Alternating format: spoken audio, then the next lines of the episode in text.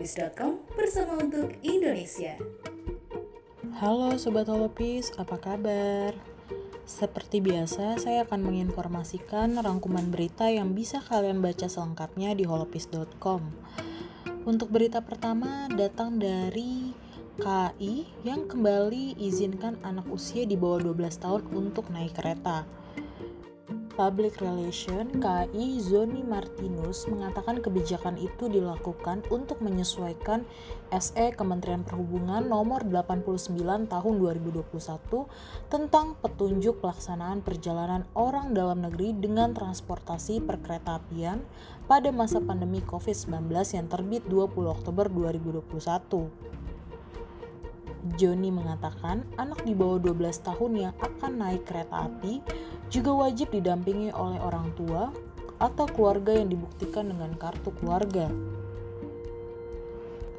Berita berikutnya datang dari Presiden Jokowi yang memuji santri di Indonesia. Presiden Joko Widodo memberikan sanjungan kepada para santri Indonesia yang selalu setia pada negara kesatuan Republik Indonesia. Kepala negara itu mengharapkan agar para santri ikut membantu pemerintah dalam menanggulangi pandemi COVID-19. Salah satunya adalah ikut menyukseskan vaksinasi, termasuk juga bagaimana para santri ikut menerapkan protokol kesehatan dan ikut mengampanyekan program tersebut untuk memutus mata rantai penyebaran virus corona. Berita selanjutnya datang dari Menhan Prabowo. Dubes Ceko sambangi Menhan Prabowo jajaki kerjasama alusista. Negara Republik Ceko mulai menjajaki kerjasama dengan Indonesia di bidang pertahanan khususnya di bidang alusista. Rencana itu sendiri mengemuka ketika Menteri Pertahanan Prabowo Subianto menerima kunjungan kehormatan Duta Besar Republik Ceko untuk Indonesia Jaroslav Dolec di Kementerian Pertahanan Republik Indonesia Jakarta pada kesempatan itu, kedua belah pihak membicarakan upaya peningkatan hubungan kerjasama bilateral khususnya di bidang alat utama sistem persenjataan atau alutsista. RI memiliki prospek pasar dan daya saing cukup baik, misalnya PT Pindad Persero yang telah mampu dalam merancang dan membuat kendaraan tempur, persenjataan, dan amunisi. Berita berikutnya lagi-lagi datang dari selebgram Rahel V-nya Diduga plat pejabat, keaslian nomor polisi RFS Rahel V-nya dipertanyakan. Belum selesai kasus Rahel V-nya yang kabur dari karantina, masalah baru kembali muncul. Kali ini, plat nomor polisi mobil berjenis Toyota berwarna hitam yang digunakan Rahel V-nya menuju Polda Metro Jaya tengah diselidiki Subdit Gakum Direktorat Lalu Lintas Ditlantas Polda Metro Jaya ada sebuah dugaan bahwa plat nomor B139 RFS tersebut semestinya digunakan pada mobil Fairfire Rahel yang berwarna putih. Kasubdit Gakum Ditlantas Polda Metro Jaya AKBP Argo Wiono menegaskan bahwa plat nomor yang digunakan Rahel V-nya bukanlah nomor khusus yang biasa digunakan oleh pejabat. Demikian rangkuman berita dari saya, Selvi Anggriani. Holopis.com bersama untuk Indonesia. Halo Sobat Lopis, apa kabarnya hari ini? Berita hari ini tentang Mahfud MD yang menegaskan bahwa pelaku pinjaman online ilegal bisa dijerat dengan Undang-Undang ITE. Menteri Koordinator Bidang Politik Hukum dan Keamanan atau Menko Polhukam Mahfud MD menegaskan bahwa pemerintah saat ini sangat serius dalam menindak para pelaku pinjaman online ilegal. Seluruh instrumen hukum sudah dimatangkan untuk menjerat mereka. Hal ini untuk menjawab seluruh potensi perdebatan yang akan terjadi di dalam ruang persidangan nantinya. Mahfud menilai persoalan penindakan pinjaman online ilegal ini memiliki sisi pro dan kontra. Namun bagi Mahfud, sikap pemerintah ini semata hanya ingin memberikan perlindungan terhadap masyarakat, khususnya yang menjadi korban pinjaman online ilegal tersebut. Tentu ada yang setuju dan ada yang tidak, tapi pemerintah ingin hadir penyelamatan rakyat dari tindakan pemerasan maupun pengancaman, kata Mahfud. Pelanggaran pidana terhadap pelaku pinjaman online ilegal ini menurut Mahfud bisa diseret ke Undang-Undang Nomor 19 Tahun 2016 tentang perubahan atas Undang-Undang Nomor 11 Tahun 2008 tentang Informasi dan Transaksi, Transaksi Elektronik atau ITE. Bisa Undang-Undang ITE ada pasal 27, pasal 29, pasal 32. Pasal 27 itu misalnya penyebaran foto-foto tidak senonoh porno yang disebar untuk mengancam orang agar malu itu akan terus ditindaklanjuti tegasnya. Berita selanjutnya tentang Ditlantas Polda Metro Jaya yang bakal memanggil Rachel V-nya soal plat RFS. Selebgram Rachel Velnya akan dipanggil oleh Ditlantas Polda Metro Jaya terkait, ter, terkait dengan plat B139 RFS yang terpasang di Toyota Velver warna hitam miliknya. Berdasarkan catatan, plat nomor tersebut harusnya digunakan di mobil warna putih, bukan hitam. Dirlantas Polda Metro Jaya Kombes Pol Sambodo Purnomo Yugo mengatakan bahwa Rahel bisa dikenakan sanksi tilang jika terbukti ada pelanggaran terkait penggunaan plat nomor B 139 RFS pada mobil Toyota Velver. Penerapan sanksi tilang ini merujuk pada Undang-Undang Nomor 22 Tahun 2009 tentang Lalu Lintas dan Angkutan Jalan.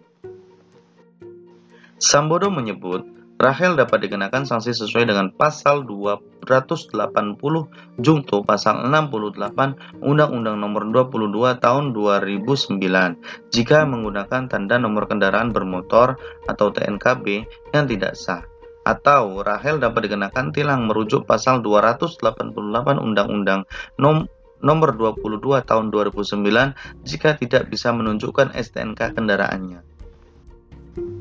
Artinya mobil itu sudah dicat tapi belum diubah STNK-nya. Jadi kita akan mengklarifikasi itu. Jika kita cocokkan dengan data kita, dengan nomor mesin dan sebagainya.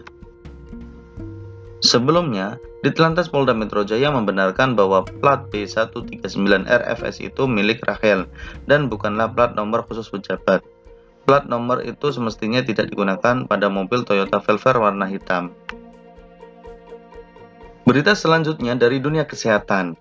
Kementerian Kesehatan siapkan skenario penambahan booster vaksin corona untuk 2022.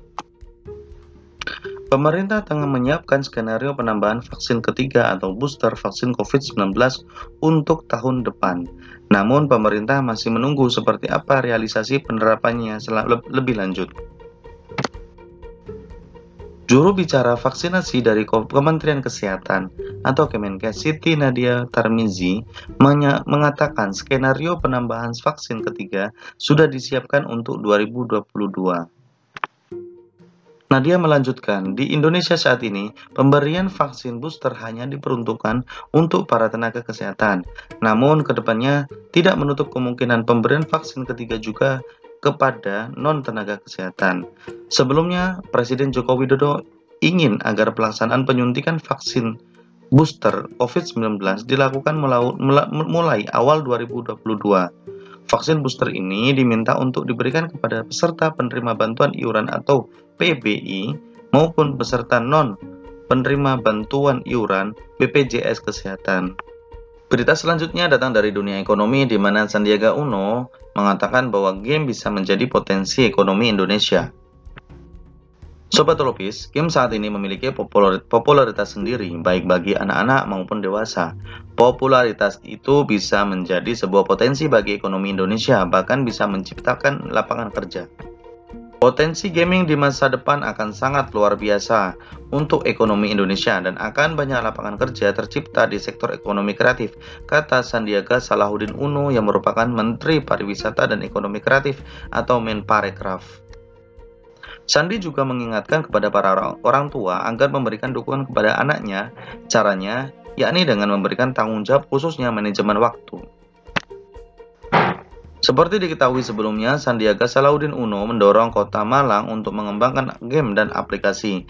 Karena itu, ia menilai potensi sektor aplikasi dan game di Malang cukup baik. Menparekraf juga berharap subsektor aplikasi dan game dapat menjadi lokomotif ekonomi kreatif kota Malang dan mampu mendorong pembangunan daerah.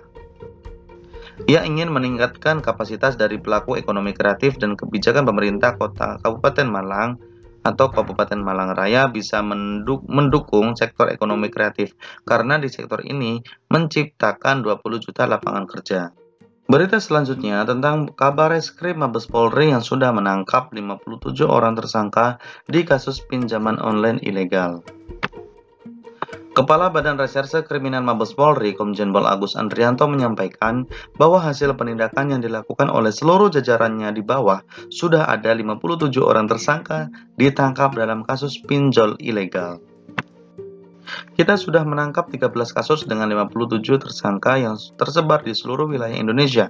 Kita ungkap dari Baris Krim sendiri, Polda Metro Jaya, Polda Jawa Barat, Polda Kalimantan Barat, dan Polda Jawa Tengah, kata Agus. Saat ini, kasus yang menjerat para pelaku bisnis pinjaman online, online ilegal ini masih terus dianalisa lebih mendalam. Apalagi memang dilihat dari objektivitas dan subjektivitas, kasus pinjaman online ilegal ini tidak masuk dalam perkara perdata. Namun ada ancaman yang bisa dijeratkan, yakni praktik-praktik ilegalnya. Dari sisi ini bisa dilakukan penindakan secara hukum. Lebih lanjut, Jenderal Polisi Bintang 3 ini mengimbau agar edukasi yang lebih masif kepada masyarakat bisa terus dilakukan sehingga mereka tidak mudah terjebak dengan para rentenir online ini. Untuk memproses persoalan masyarakat yang terjebak dengan pinjaman online, online ilegal ini, Agus meminta agar seluruh jajaran kepolisian di daerah responsif dengan laporan masyarakat. Kita sudah terbitkan TR atau Telegram ke semua Polda untuk memberikan respon cepat terhadap seluruh masyarakat ketika ada tindakan-tindakan yang dirasa mengganggu psikis dan fisik dari tindakan pinjaman online ilegal ini, pungkas Agus. Masih soal pinjaman online ilegal, LPSK serukan para korban pinjol ilegal tak takut lapor dan meminta perlindungan. Wakil Kepala LPSK Brigjen Pol Purnawirawan Ahmadi menegaskan bahwa pihaknya akan memberikan jaminan perlindungan terhadap para saksi, korban maupun pelapor dalam kasus pinjaman online ilegal ini. Oleh karena itu, ia menyerukan kepada para korban agar tidak ragu dalam melaporkan kasus yang dialaminya. Kemudian, tak perlu khawatir untuk meminta perlindungan kepada pihak kepolisian maupun LPSK. Untuk mengakses bantuan dan perlindungan dari LPSK, Ahmadi menyampaikan bahwa hal itu tidaklah sulit. Publik bisa mengaksesnya melalui email, telepon, maupun aplikasi di Android. Bagaimana teknisnya? Mudah, bisa datang langsung, bisa melalui email atau lpsk.go.id, bisa juga melalui 148 call center, nanti akan di follow up kontak tersebut, dan mekanisme melalui Android pun bisa, kata beliau. Adi juga menyampaikan apresiasi kepada pemerintah dan aparat kepolisian yang serius menangani persoalan pinjaman online ilegal ini. Kami memberikan apresiasi, sudah dilakukan proses hukum untuk itu LPSK siap memberikan perlindungan pada saksi korban, saksi, korban, dan pelapor untuk kepentingan proses peradilan melalui mulai dari penyidikan sampai di proses peradilan ini. Ini clear bagi pelapor agar pemohon, merasa aman, tidak takut dapat menerangkan keterangannya sebenar-benarnya, ungkasnya. Demikian berita yang dapat saya bacakan. Berita selengkapnya dapat kalian simak di situs kesayangan kita holopeace.com. Di sini Ibnu melaporkan.